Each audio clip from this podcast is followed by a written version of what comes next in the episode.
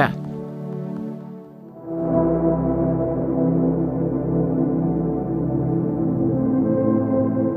Men lige nu er vi på vej ind i Roldskov. Vi kører op, lige nu kører vi op på Tveden, som er sådan en lille slette midt i Roldskov. Det er et af mine yndlingssteder, hvor øh, nogle af de mest betydningsfulde oplevelser, jeg har haft, de, de fandt sted. Lige bagved, hvor øh, vi boede, der, øh, der, ligger, der ligger skoven, og der gik jeg tur en, en morgen med min hund, og der, øh, der var der en af de store begivenheder, som jeg jo først senere fandt ud af, var begyndelsen på øh, et langt forløb, som kulminerede i, øh, i de to møder med Jesus, jeg har haft. Mm, så kommer vi op på, på Taborbjerget, og så ligger der sådan en kirke, øh, meget, meget smukt op på toppen af bjerget.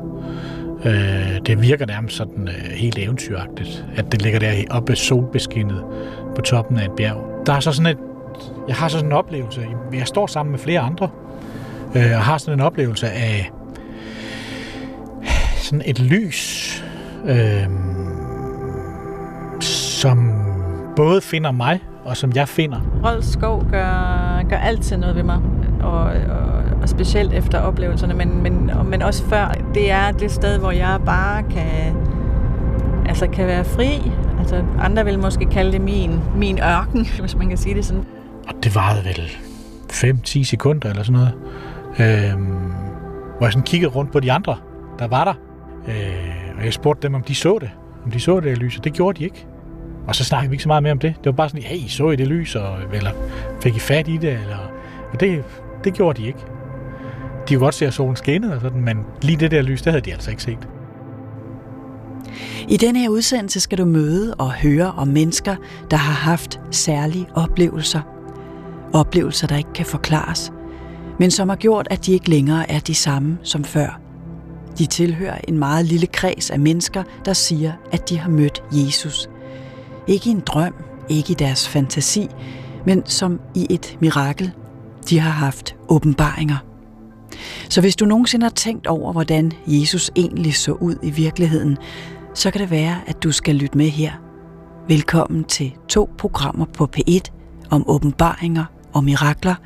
Jeg hedder Katarina Levkovic. Når du sådan vender tilbage til nogle af de steder, hvor du har haft øh, nogle af de oplevelser, er der så sådan lidt i dig, der håber, at det måske kommer til at ske i dag igen? Er det sådan, ligger der en lille forventning i dig? Nej, aldrig. Altså, jeg har... Øh, jeg tror, den nemmeste måde at sige det på, det er, at jeg har jo så fyldt op. Altså, alle de oplevelser, jeg har haft, altså det er jo mere end rigeligt. Altså jeg har mere end rigeligt til hele resten af mit liv. Jeg, jeg behøver overhovedet ikke mere. Jeg behøver måske også kun en tiende del. Man kan ikke engang snakke om at behøve, fordi det er jo sådan foræring og gaver oven i det, man, man har i forvejen. Og jeg havde faktisk perioder øh, undervejs, øh, hvor jeg der, hvor jeg havde virkelig mange øh, oplevelser af, af forskellige slags, hvor jeg simpelthen bare ikke orkede mere. Og det blev jeg selvfølgelig også flov over, fordi at, hvordan kan man sige nej til sådan noget, der er så fantastisk. Men, men, men, men det er jo udmattende. Charlotte Rørt er 55 år og bor i Aalborg. Hun er journalist på Nordjyske, hvor hun skriver om kultur, køn og samfundstendenser. Indtil for ni år siden var hun en helt almindelig kvinde, mor til tre, godt nok medlem af Folkekirken, men et dovent medlem, som hun selv beskriver det. Hun har ingen religiøs praksis, går i kirke til jul, men ellers ud af en familie, for hvem tro og religiøsitet ikke betyder noget.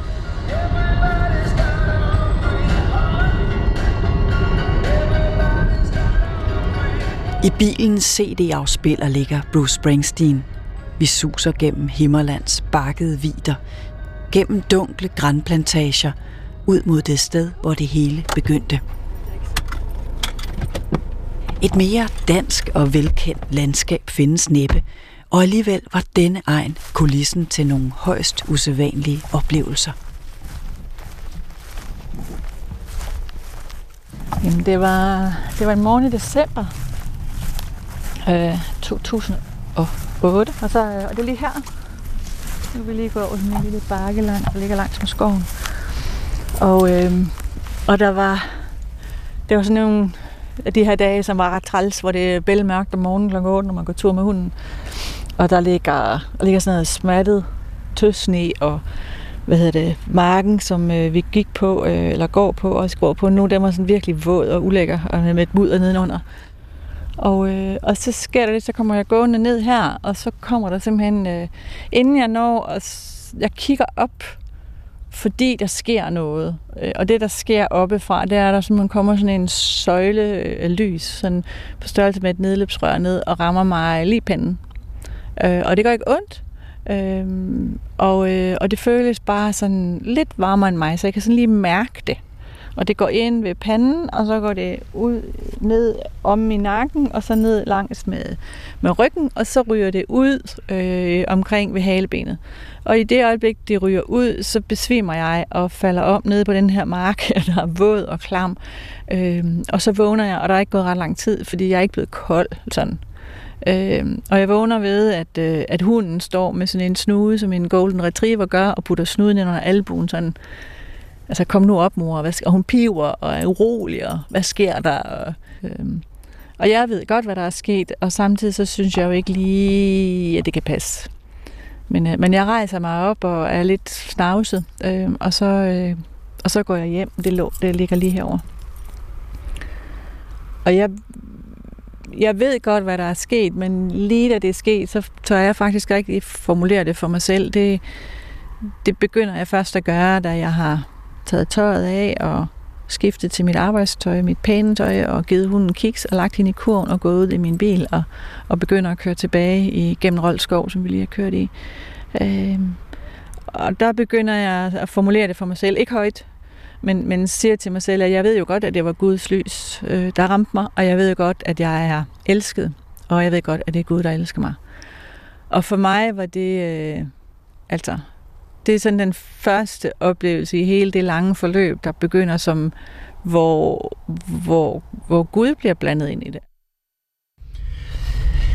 Jeg er vokset op i øh, et sådan helt almindeligt øh, dansk hjem øh, i et parcelhuskvarter på Sydfyn, øh, hvor øh, religion ikke fyldte noget. Jeg havde en mor, som har en mor, som øh, øh, var kristen, og gik med tro, og kærlighed og øh, i en halskæde, ikke? og havde en salmebog, og sørgede for, at vi kom i kirke til jul, og gav også børn en salmebog, når vi blev konfirmeret, og gav os tro, håb og kærlighedssmykke, når vi fyldte 12 og sådan noget. Ikke? Altså, øh, altså, jeg var ikke i tvivl om, at min mor troede, men jeg var heller ikke i tvivl om, at min far ikke troede. Øh, så det var sådan øh, en, en, en lidt konfliktfyldt spørgsmål.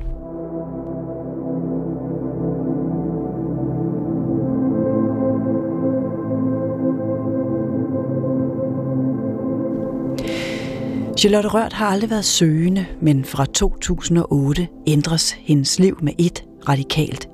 Alt bliver vendt op og ned i hendes verdensbillede, og intet er længere, som det var.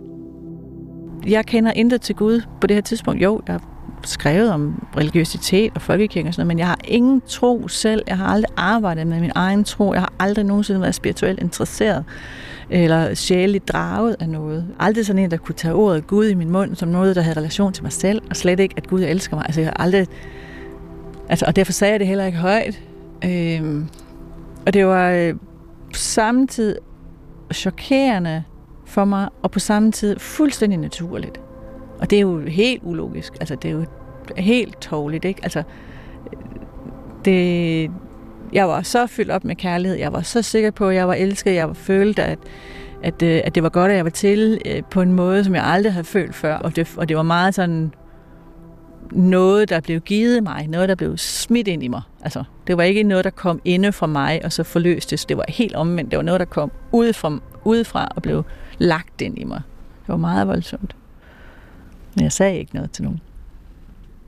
Øhm, og så var der så lige den der det er sådan meget varme lys, som, sådan, som jeg kiggede på, og som sådan på en eller anden måde ligesom fandt, fandt, fandt ned igennem øh, fandt ned igennem øh, skyerne og fandt ned igennem øh, nogle blade i et træ, vi stod ved osv., og, og sådan ligesom fandt, øh, fandt mig og, og, øh, og sådan ligesom ramte mig i brystregionen. Sådan meget varmt, meget lyst, øh, gulligt lys, sådan, der, der føltes blødt og varmt.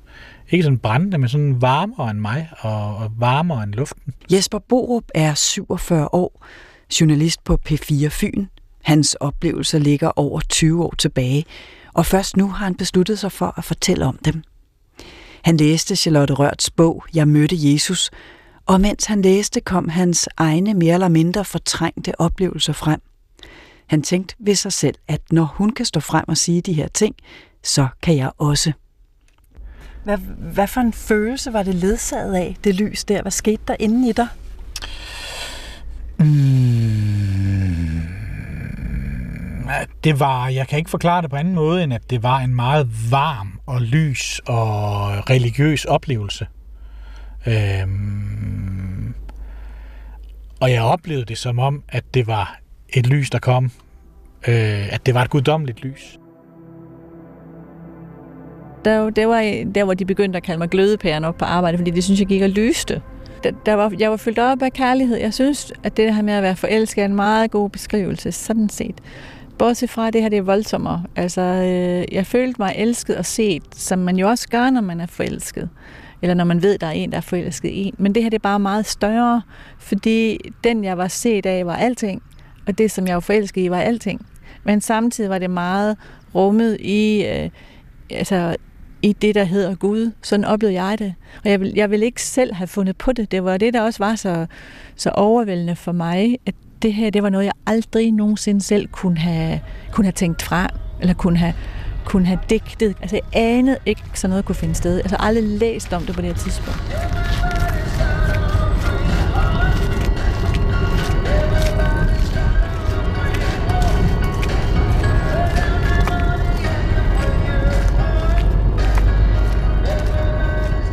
Charlotte Rørt og Jesper Borup er langt fra alene med deres oplevelser, og åbenbaringer som fænomen går langt tilbage – Både det gamle og det nye testamente er fyldt med guddommelige åbenbaringer. På gamle testamente tid lader det til udelukkende at være mænd, der modtager åbenbaringer.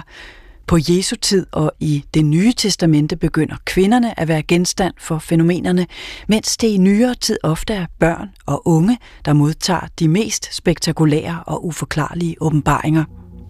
En sommeraften i juni i 1961 leger en lille flok 11-årige småpiger lidt uden for deres hjem i landsbyen San Sebastián de Garabandal i Nordspanien. Pludselig afbrydes deres leg af et kæmpe tordenbrag, efterfulgt af en lysende skikkelse, der træder frem i skyen. Det viser sig at være ærkeenglen Gabriel, der nu åbenbarer sig de næste 12 dage og vil forberede børnene på, at Jomfru Maria vil vise sig for dem inden længe. I løbet af de næste fire år har pigerne jævnligt syn, hvor de hævder at se og tale med Jomfru Maria, der giver dem forskellige budskaber. I løbet af disse seancer, der varer fra få minutter til op mod syv timer, er børnene ikke kontaktbare og befinder sig i en trance-tilstand. Ved flere lejligheder er der læger til stede, der kan konstatere, at børnene ikke reagerer på nålestik, smerte fra brændende tændstikker og deres pupiller reagerer ikke ved stærk lyspåvirkning. Under åbenbaringerne udviser børnene overnaturlig fysisk adfærd. De kaster hovederne tilbage og ser stift op mod himlen, mens de i høj fart løber baglæns, falder bagover uden at tage fra med hænderne eller svæver over jorden. Rygtet om disse uforklarlige fænomener spredes, og hundredvis af tilrejsende tilskuere kan bevidne hændelserne. Pigerne er ligeledes blevet studeret omhyggeligt af førende børnelæger og psykiatere, der ikke kan konstatere noget unormalt ved dem, når begivenhederne er forbi. Der er til synlædende tale om helt almindelige og ligevægtige børn. Der foreligger et omfattende fotomateriale, der viser pigerne under deres trance, med stærkt skinnende, bortvendte blikke, fast rettet mod et tilsyneladende usynligt punkt i himlen.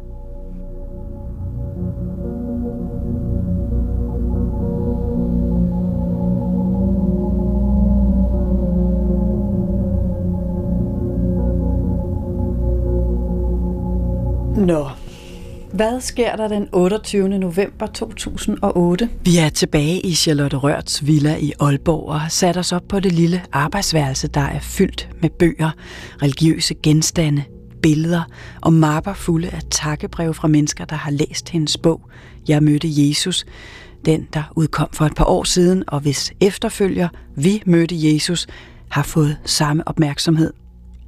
Hun har holdt utallige foredrag om sine møder med Jesus, men bliver aldrig træt af at fortælle om de dage, der ændrede hendes liv. Jeg er på arbejdsrejse i Spanien. Jeg er dernede for at skulle lave en reportage om olivenolie. Og øh, så bliver vi vist rundt forskellige steder i, øh, i en egen, der ligger øh, nord for Malaga, altså nord for kysten, hvor der bare ikke bliver lavet andet end olivenolie. Men vi skal også have lidt andet med i de artikler. Vi er en gruppe af journalister og presfotografer, og, øh, og så går vi ind i en, bliver vist ind i en kirke, og det gør vi, fordi det er øh, lige omkring San Andres navnedag, som er den 30. november, og det, øh, er den, det er den, han er helgen for den by, der hedder Baeza, som vi er i. Og den her kirke hedder San Andres Kirke. Og så går vi ind i den, og der er messen lige ved at være forbi. Det vil sige, der er sådan lidt der er sådan mylder. Og det er en messe, altså, hvor der bare er fyldt op med mennesker. Ikke? Og de er jo alle sammen i familie med hinanden eller naboer, så de snakker og snakker. Altså, de kavler virkelig. Så der er meget uro. Men på en rar og levende måde. Og, øh, og så pludselig så kan jeg godt se, at der sker noget virkelig sådan lidt voldsomt over den ene side af kirken. Sådan en, der sådan er urolig. Øhm, og, øh, og der går lidt tid, før jeg fatter, at det har noget med mig at gøre. Fordi det ender med, at en lille dame kommer hen, og så nærmest skubber folk til side for at komme hen til mig. Hun er faktisk ikke sådan særlig venlig. Det er ikke sådan særlig blidt og rart. Det er ikke sådan en, en hyggelig stemning, hun kommer med, vel? Den er rimelig aggressiv, og så kommer hun hen, og så flår hun mine hænder til sig. Ikke sådan noget blidt og rart sødt. Det er virkelig sådan, uh, tager sine, mine hænder og holder dem op. Hun har sådan en tørklæde, som hun har i mellem hænderne, og holder op sine hænder, mine hænder og tager dem ind til sig. Så vi bliver trukket tæt på hende. Og så siger hun en hel masse stemmer på spansk. Øhm, og jeg øh, altså forstår noget spansk, men der var, dels var jeg ikke så trænet der, og dels snakkede hun sindssygt hurtigt.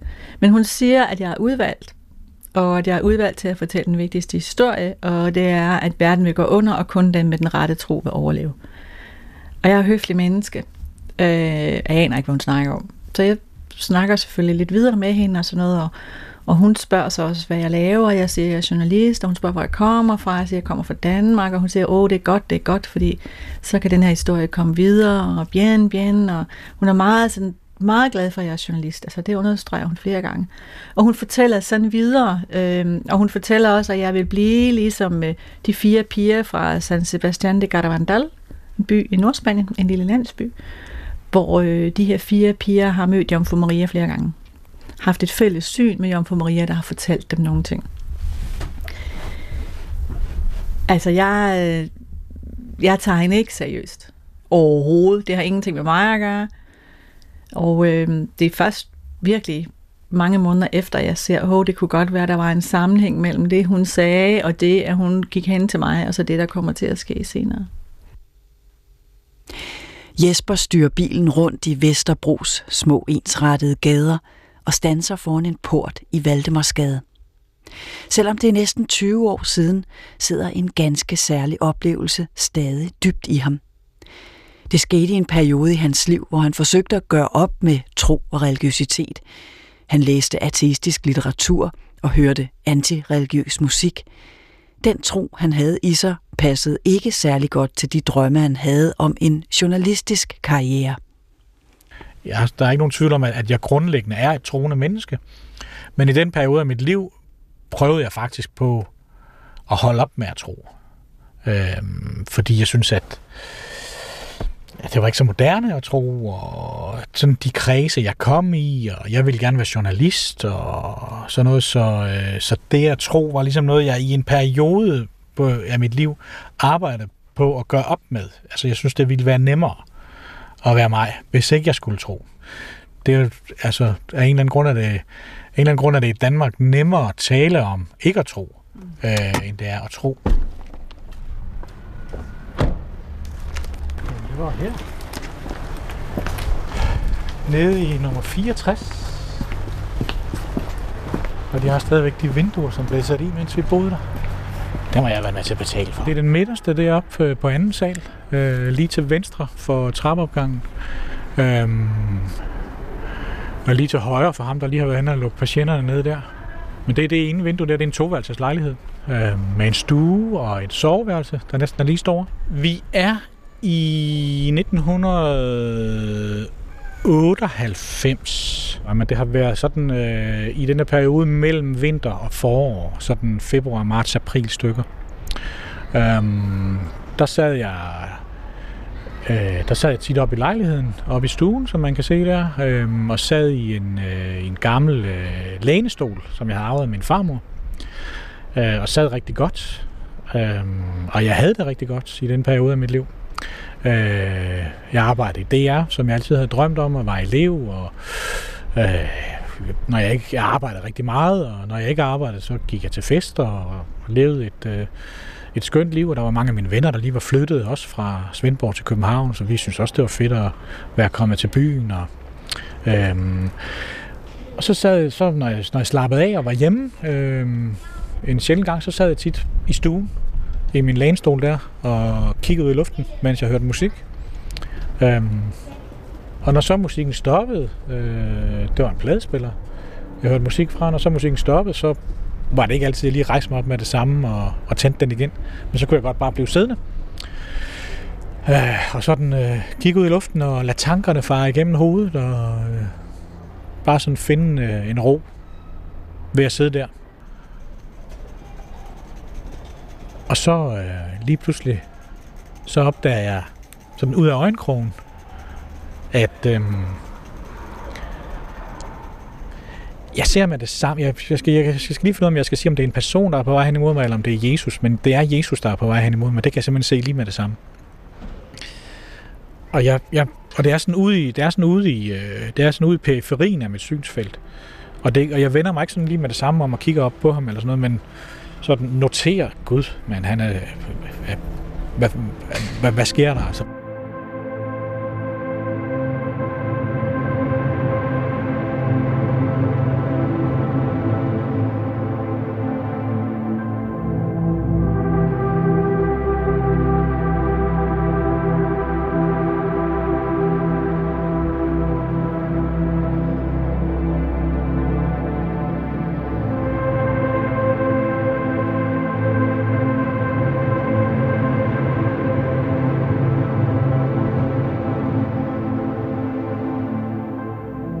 Og så bliver vi vist rundt i den næste by, vi besøger.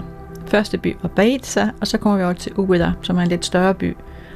Og der bliver vi vist rundt i en meget smuk by, og så er vi inde i et meget stort, meget smukt kapel, som hedder øh, Vor Frelsers Kapel. Men der står vi så den her gruppe journalister og presfotografer med vores blogger og kameraer og er på arbejde. Og det er fuldstændig som det plejer at være. Og så skal vi gå alle sammen, og det gør de også alle sammen, bortset fra mig, for jeg kan bare ikke bevæge mig. Og øh, jeg plejer ikke at være den sidste, der går. Jeg men, øh, men jeg kan simpelthen ikke bevæge mig. Jeg øh, oplever, at jeg sådan har hvad skal man sige, blødt bly inden i mig. Der er ikke noget negativt i det. Der er ikke, det er ikke noget med, at jeg bliver tvunget til at blive. Jeg oplever bare, at det her sted, det er jeg, jeg står navlet til jorden. Jeg øh, er ligesom både uden for alting og inden for alting. Jeg kan ikke rigtig høre noget mere. Det er sådan ligesom, der er vat imellem mig og resten af verden. Hele min krop er afslappet, men det er ikke sådan, at jeg dejser om eller noget, og jeg er ikke, jeg er ikke ude af mig selv, men, men jeg er i den grad bare fokuseret her, og jeg har det vanvittigt godt. Jeg er helt sikker på, at det her det er det bedste sted i hele verden. Samtidig ved jeg godt, at jeg er lammet, øh, så jeg må have fået en hjerneblødning eller et eller andet andet.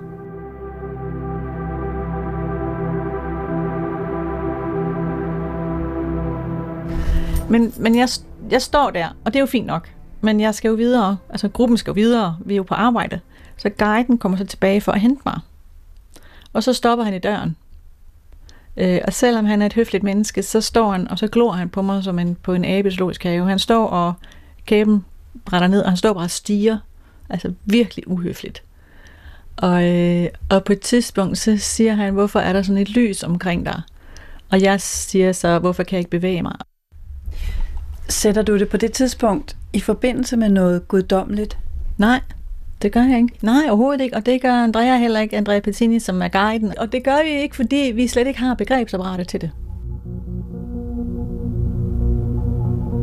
han er på vej hen imod mig, og han kommer så hen til mig, og, og jeg bliver siddende øh, i det der øjeblik og, og prøver at opleve, øh, hvad det er, der sker.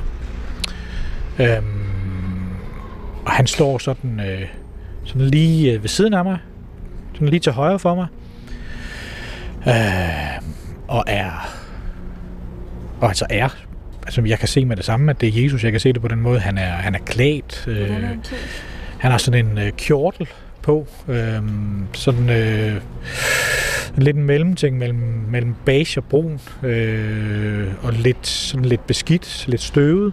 Øh, han har også sådan, øh, han har også sådan støv øh, på, sin, øh, på sin ben, øh, på sin fod. Øh, og så er han varm. Øh, og der er, sådan, der er sveddråber i, i hårene på hans arm. Øh, øh, han er varm, og så, så, og så har han sådan det der halvlange hår, og også sådan halvlangt skæg. Er han høj? Er han muskuløs? Han er, øh, han er lidt højere end mig. Øh, jeg er 1,74. Jeg ved ikke, hvor meget højere end mig han er, fordi jeg sidder ned, og han står op, så det kan jeg ikke helt præcis sige, men han er højere end mig. Øh, hans hænder, de er sådan øh, mm, muskuløse, vil jeg sige. Sådan senede, stærke øh, hænder. Øh, og han kigger ned på mig. Øhm, og så begynder jeg så sådan langsomt at vende mig til den her situation, jeg sidder i. Og så begynder så småt at kigge op mod ham. Øhm, er han alene? Øhm, han, han er ikke alene. Øhm, det kan jeg fornemme, da der er gået øh, sådan et halvt minuts tid eller sådan noget.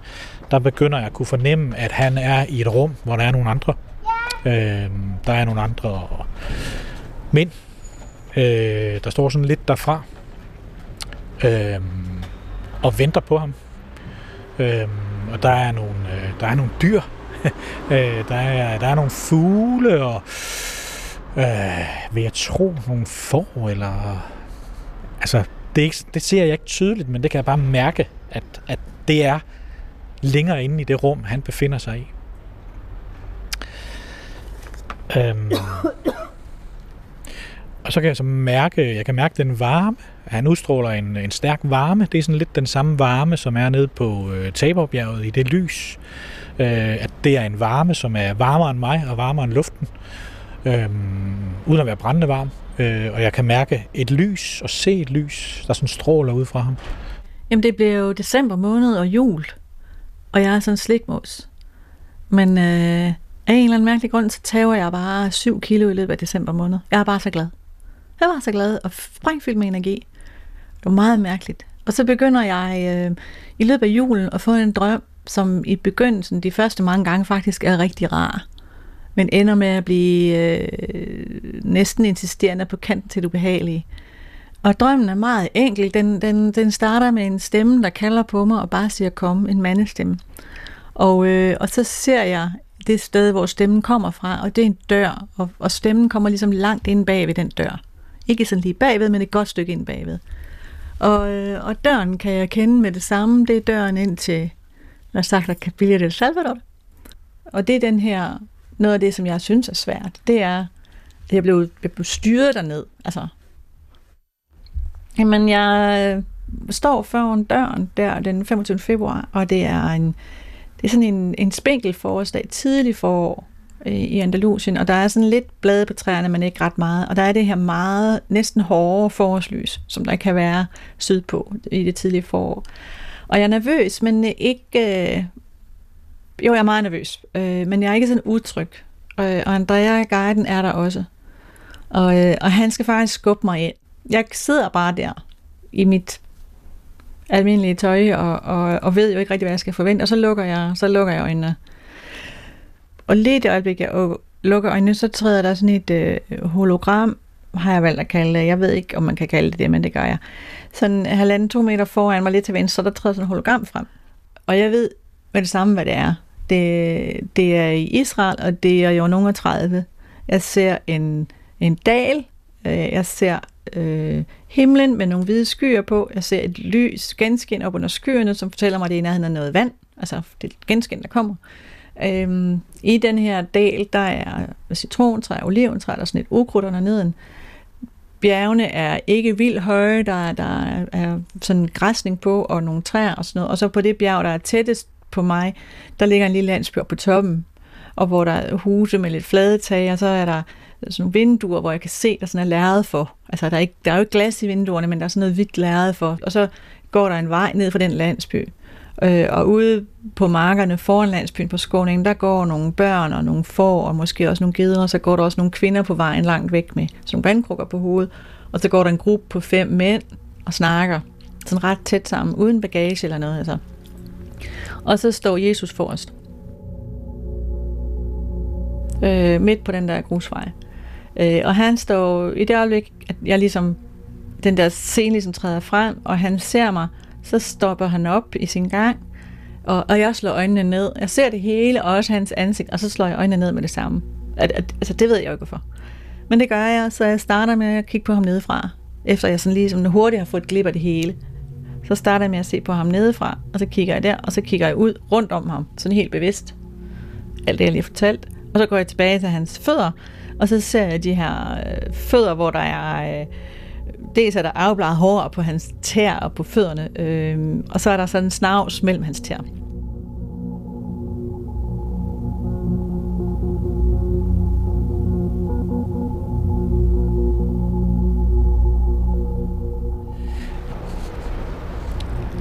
Altså, der sker det, at han, han kigger ned på mig. Øhm, og han kigger ned på, på min brystregion. Sådan, øhm, og det er ligesom om, at det er ligesom om, han kan se igennem mig. Altså, han kan, han kan simpelthen se alt det, der er inde bagved. Øh, og jeg får den der fornemmelse af, at alt det, der er mig, min bevidsthed, eller, eller min sjæl, eller, eller hvad det er, men det ved jeg ikke, hvilket ord jeg vil sætte på, men jeg har den der fornemmelse af, at han kan kigge ind bagved øh, og se alt det, der er mig. Jeg ser hele min historie og alle mine følelser og, øh, Mm. og alt det, der er mig, og alt det, som jeg bærer rundt på. En form for kærlighed, som en form for kærlighed og accept, som jeg ikke har prøvet lignende før, og heller ikke har prøvet lignende siden. Det er sådan en fuldstændig altomsluttende accept og kærlighed og lys, han kaster på mig, og kaster på alt det, øh, som er derinde bag ved brystet, øh, og som er mig. Hans venstre hånd hænger sådan ned langs siden over i venstre side, og hans højre hånd er så tættest på mig. Så begynder han sådan at række ud. Langsomt. Som om han vil lægge sin hånd på, øh, på min øh, skulder. Og der, der sidder jeg så og tænker, hold da kæft, mand. Og der, der, der lige pludselig, der, der kan jeg mærke sådan, der, at, at jeg kan ligesom ikke, jeg kan ikke finde ud af at være i det mere. Jesper Fik er katolsk præst. Og selvom man måske skulle tro, at netop han er uforbeholdent begejstret, når nogen påstår, at de har haft en åbenbaring, er det ikke helt tilfældet.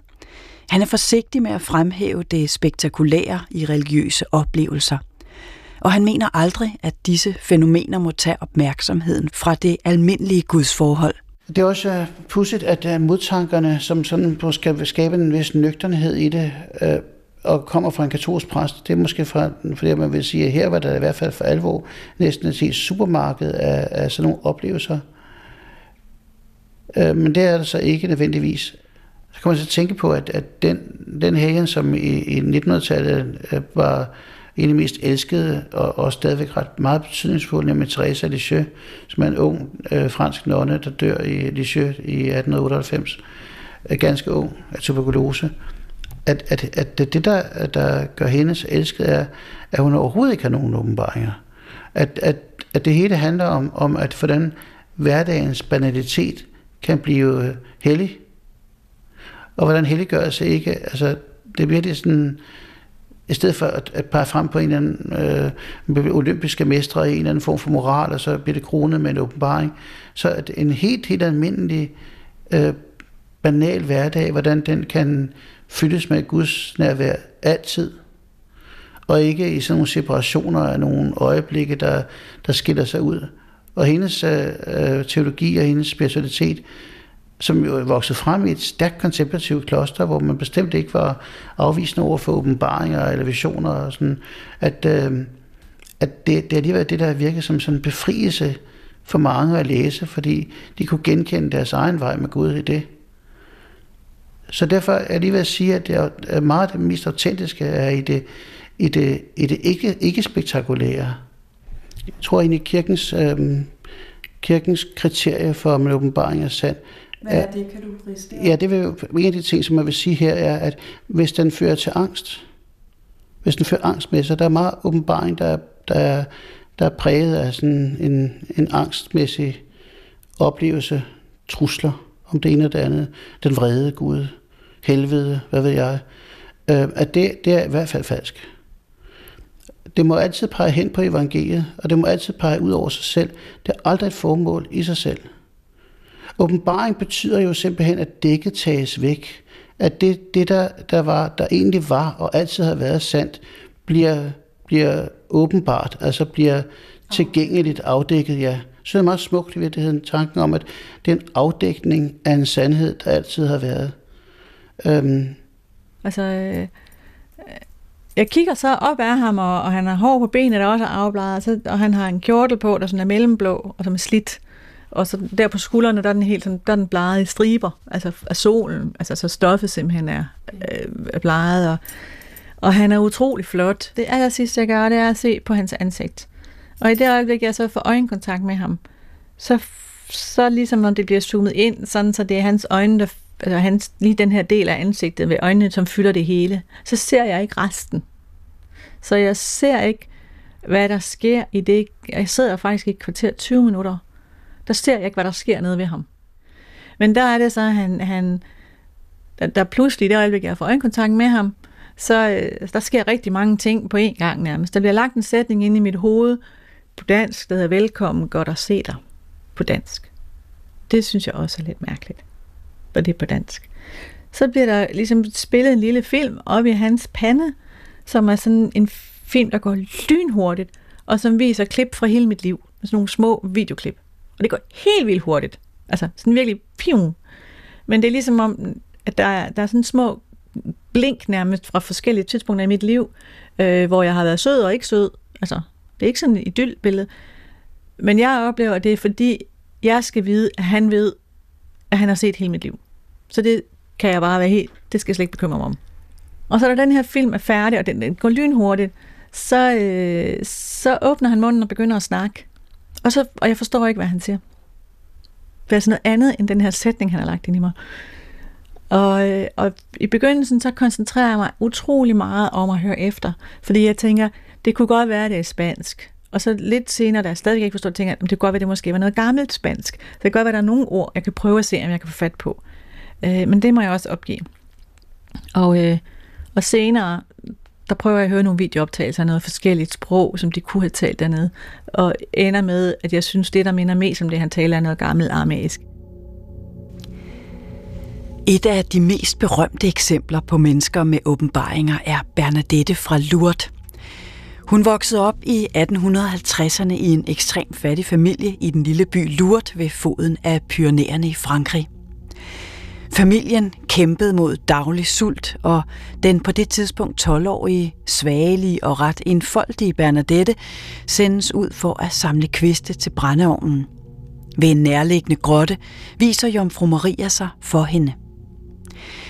De andre børn, hun følges med, kan ikke se noget, men kun betragte Bernadette, som de finder i en henført tilstand med et lykkeligt smil om læberne og ude af stand til at lade sig vække af sin dybe trance.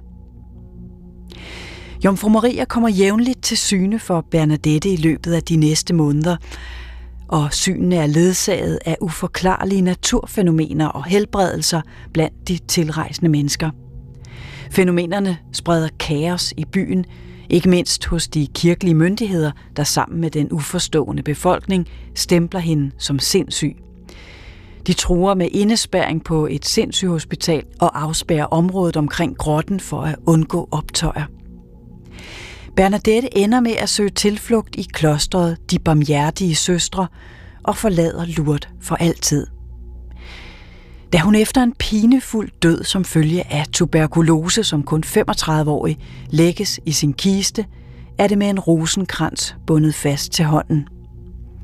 Vatikanet indleder en saligkåringsproces i 1909, og da man i den forbindelse ser sig nødsaget til at åbne kisten i overværelse af både kirkelige, civile myndigheder og retsmedicinere, ja, så konstaterer man, at Bernadettes lig er fuldkomment ufordærvet.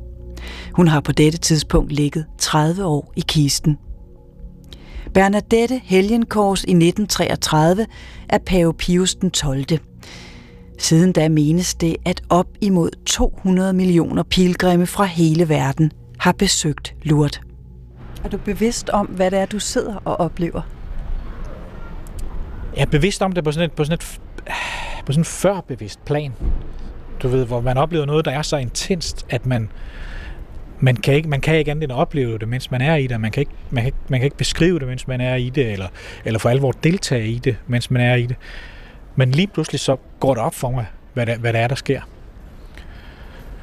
Og så begynder jeg at tænke, hvad skal jeg spørge ham om, og hvad må han vil sige til mig, og øh, hvad pokker er det, der sker, og øh, hvad er der sket med mig, og, øh, øh og i det, det der finder sted, at, at jeg sådan ligesom øh, virkelig kommer på, om, på bevidsthedsmæssig omgangshøjde med situationen, der opdager jeg også, at jeg er helt stiv og tung i kroppen, og jeg faktisk ikke kan bevæge mig.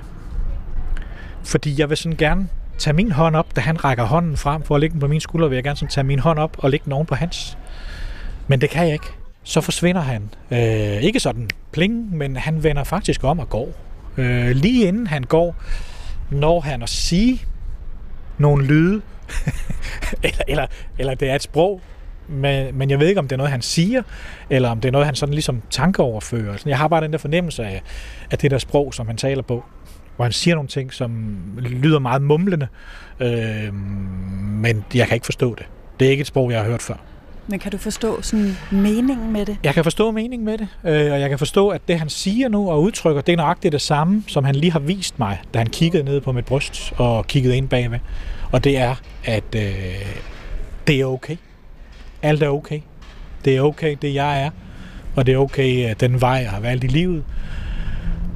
Og det er sådan ligesom om, at han giver mig sådan en øh, fuldstændig... Øh, han overgiver mig ansvaret for mit liv. At, at, for det første vil jeg sige, at jeg altid er overbevist om, at åbenbaringer er først og fremmest inden for den hemmelighed, der er mellem den, der tror og Gud. Men på sigt skal det jo også folde sig ud til at være til gavn for, for andre, og de der kriterier med, at det ikke må indeholde frygt, må ikke være en prædiken, der, der må ikke være, må ikke være tankengang om, at det, at det her det er, det er angstskabende.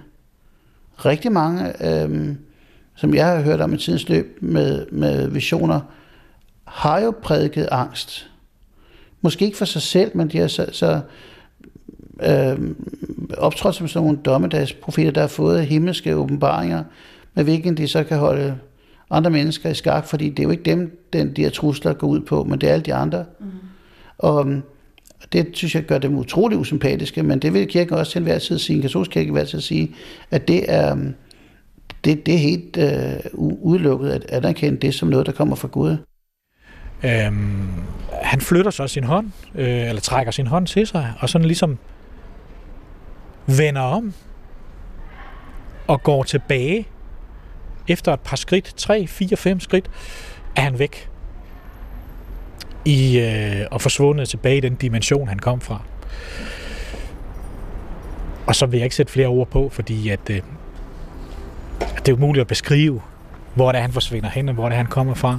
Men altså, han vender om 3, 4, 5 skridt, så er han gået tilbage i den dimension, han kom fra, og så er der ikke længere kontakt med den dimension.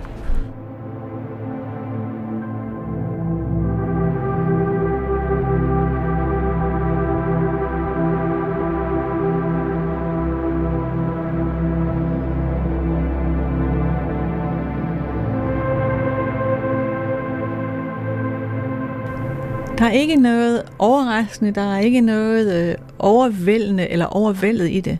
Det er så dagligdags.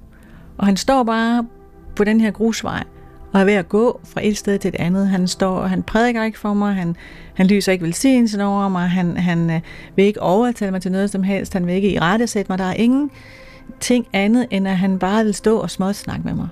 Det er sådan fuldstændig afslappet. Jeg ved godt, at det er et mirakel på det her tidspunkt. Jeg ved godt, det er mirakuløst, det der foregår lige nu.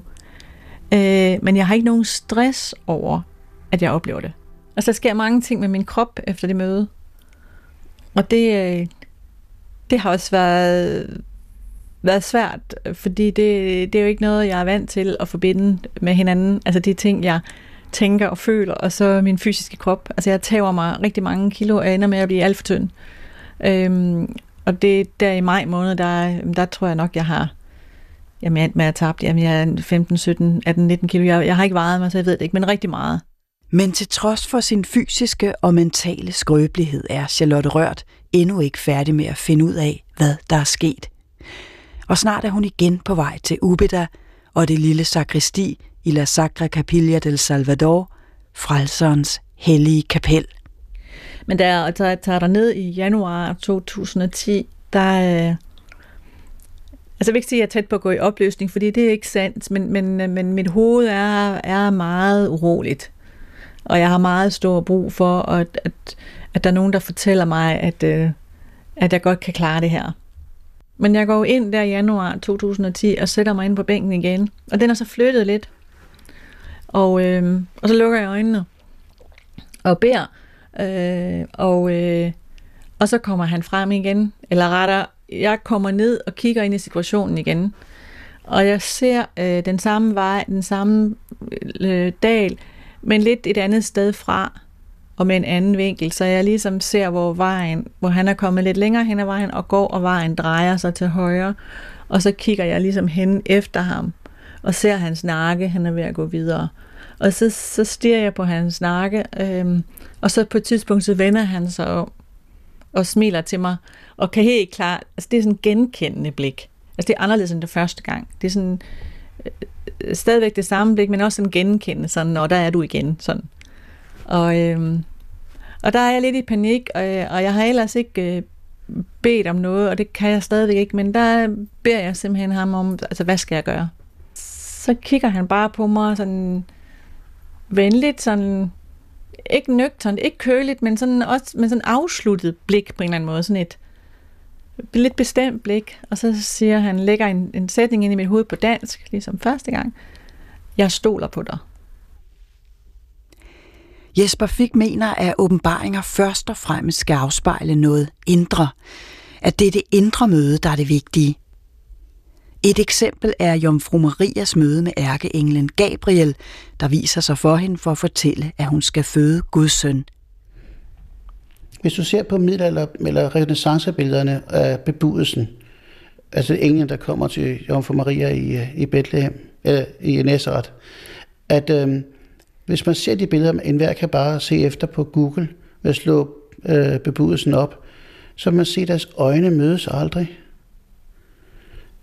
Det er, um, man må sige, at, at Jomfru Marias møde med, med englen må være noget af den er det mest øh, tætte, man kommer på en sådan åbenbaring, og så samtidig så reflekterer kunsten og siger, at det her er først og fremmest noget, der udspiller sig på et dybere plan end på det rent visuelle.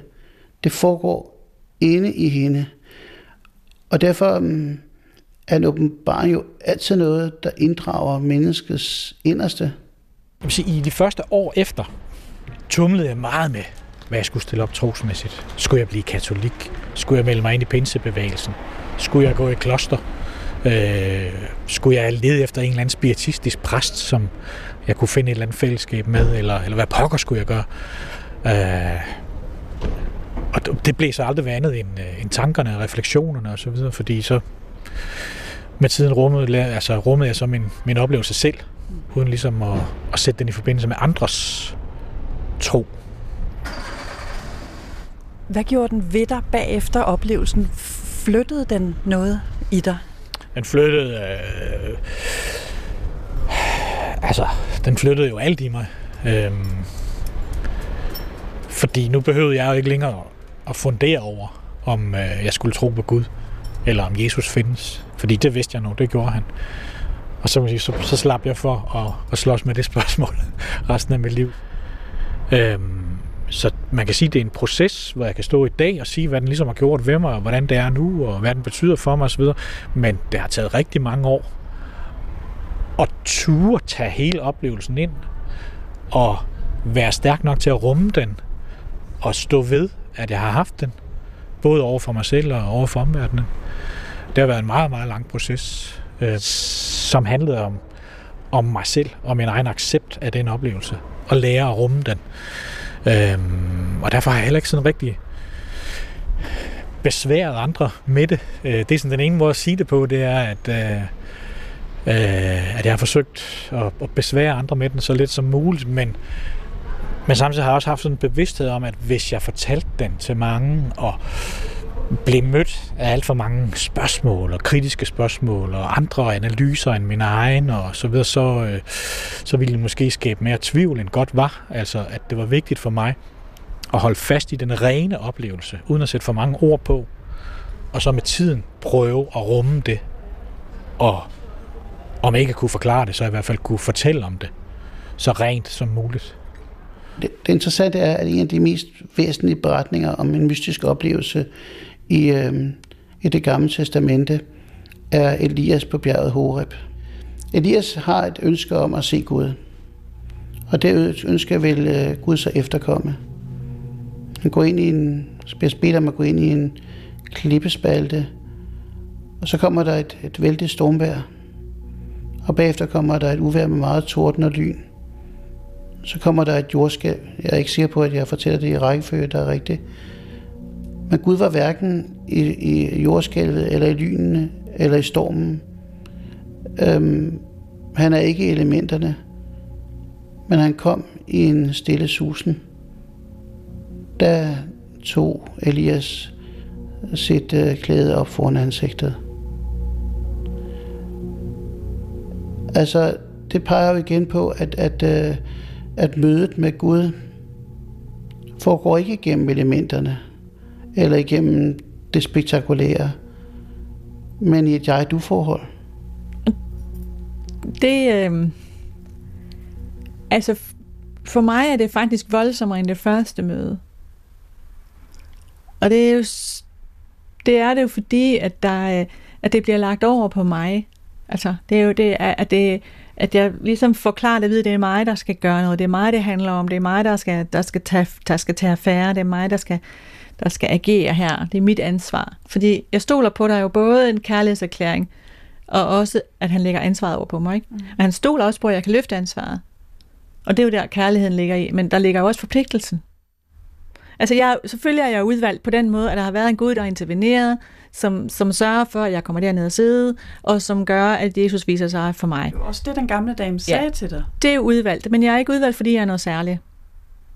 Hvis nu, at det var sådan, så jeg var noget særligt, så havde han dels lagt en følelse i mig, efter sådan et møde på første kvarter, og det næste, det var ikke ret langt, det var ganske få minutter. Så havde han jo vist mig også, når jeg viste, når, han, når vi mødtes der, at jeg var noget særligt. Men det var ikke sådan, han så på mig. Og, og, og derfor synes jeg, at det, at jeg understreger, at jeg ikke er noget særligt, det er en del af det budskab, jeg kan bringe videre fra ham og til os alle sammen. At det her, det handler ikke om mig, det handler om en værd. Kunne du forestille dig, at det vil ske igen? Nej. Hvorfor? Det kunne... Altså, jeg har ikke nogen længsel mod det overhovedet, og det har jeg faktisk ikke haft siden det første møde, og der havde jeg jo heller ikke nogen længsel for at få det første møde. Så jeg har ikke levet, kender ikke til den længsel med at have flere oplevelser. Jeg kender til længselen efter at, at være i tilstanden igen, men det kan jeg meget hurtigt komme. Øh, og den længsel havde jeg specielt lige efter det første møde, hvor jeg var i sådan en rus næsten i, i, nogle, i nogle måneder. Og det klingede heldigvis af, fordi det er en rus. Øh, og det nytter ikke noget at vil opsøge den, så kan man jo ikke gøre godt, så bliver man jo bare opslugt af sin egen oplevelse, sin egen forførelse i, ind i, sin, i sine erfaringer, og det gør ikke andre mennesker godt. Og det er jo derfor, vi er her, for at gøre andre mennesker godt, så meget vi nu kan. Der er bare blevet plads til nogle få eksempler på nogle af de synsunder eller visioner, som historien er fuld af. Listen over spektakulære åbenbaringer er lang og tæller blandt andet solunderet i Fatima, hvor 40.000 chokerede mennesker, inklusiv verdenspressen i 1917, bliver vidner til en gådefuld solskive på himlen, der roterer som fyrværkeri og styrter til jorden.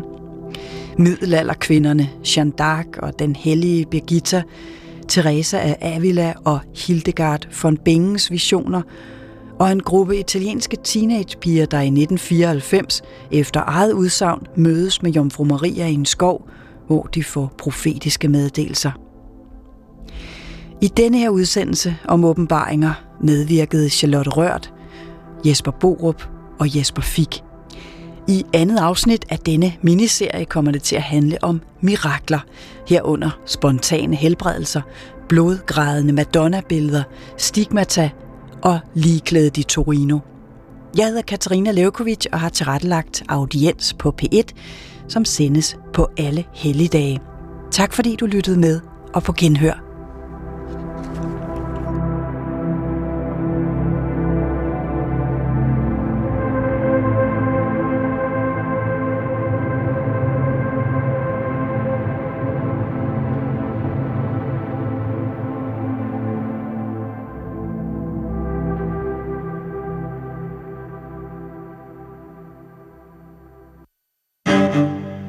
Tage til det her personligt. Forretninger er altid personlige. I en ny serie går vi i fodsporene på pionererne på børsen. Så er kampen i gang. Deres visioner og magtkampe. Må den bedste mand vinde. Matadorernes kamp skulle vise sig at ændre vores nation. Skab et projekt af national værdi. De er ramt af storhedsvandvid. Ingen investeringer kommer uden risiko. Det her kan udvikle sig til en skandale. Der er brug for, at denne her regering viser handlekraft. Matadorerne. Gud har ikke skabt dig for, at du skal fejle. Nu på DRTV og kl. 20 på DR1.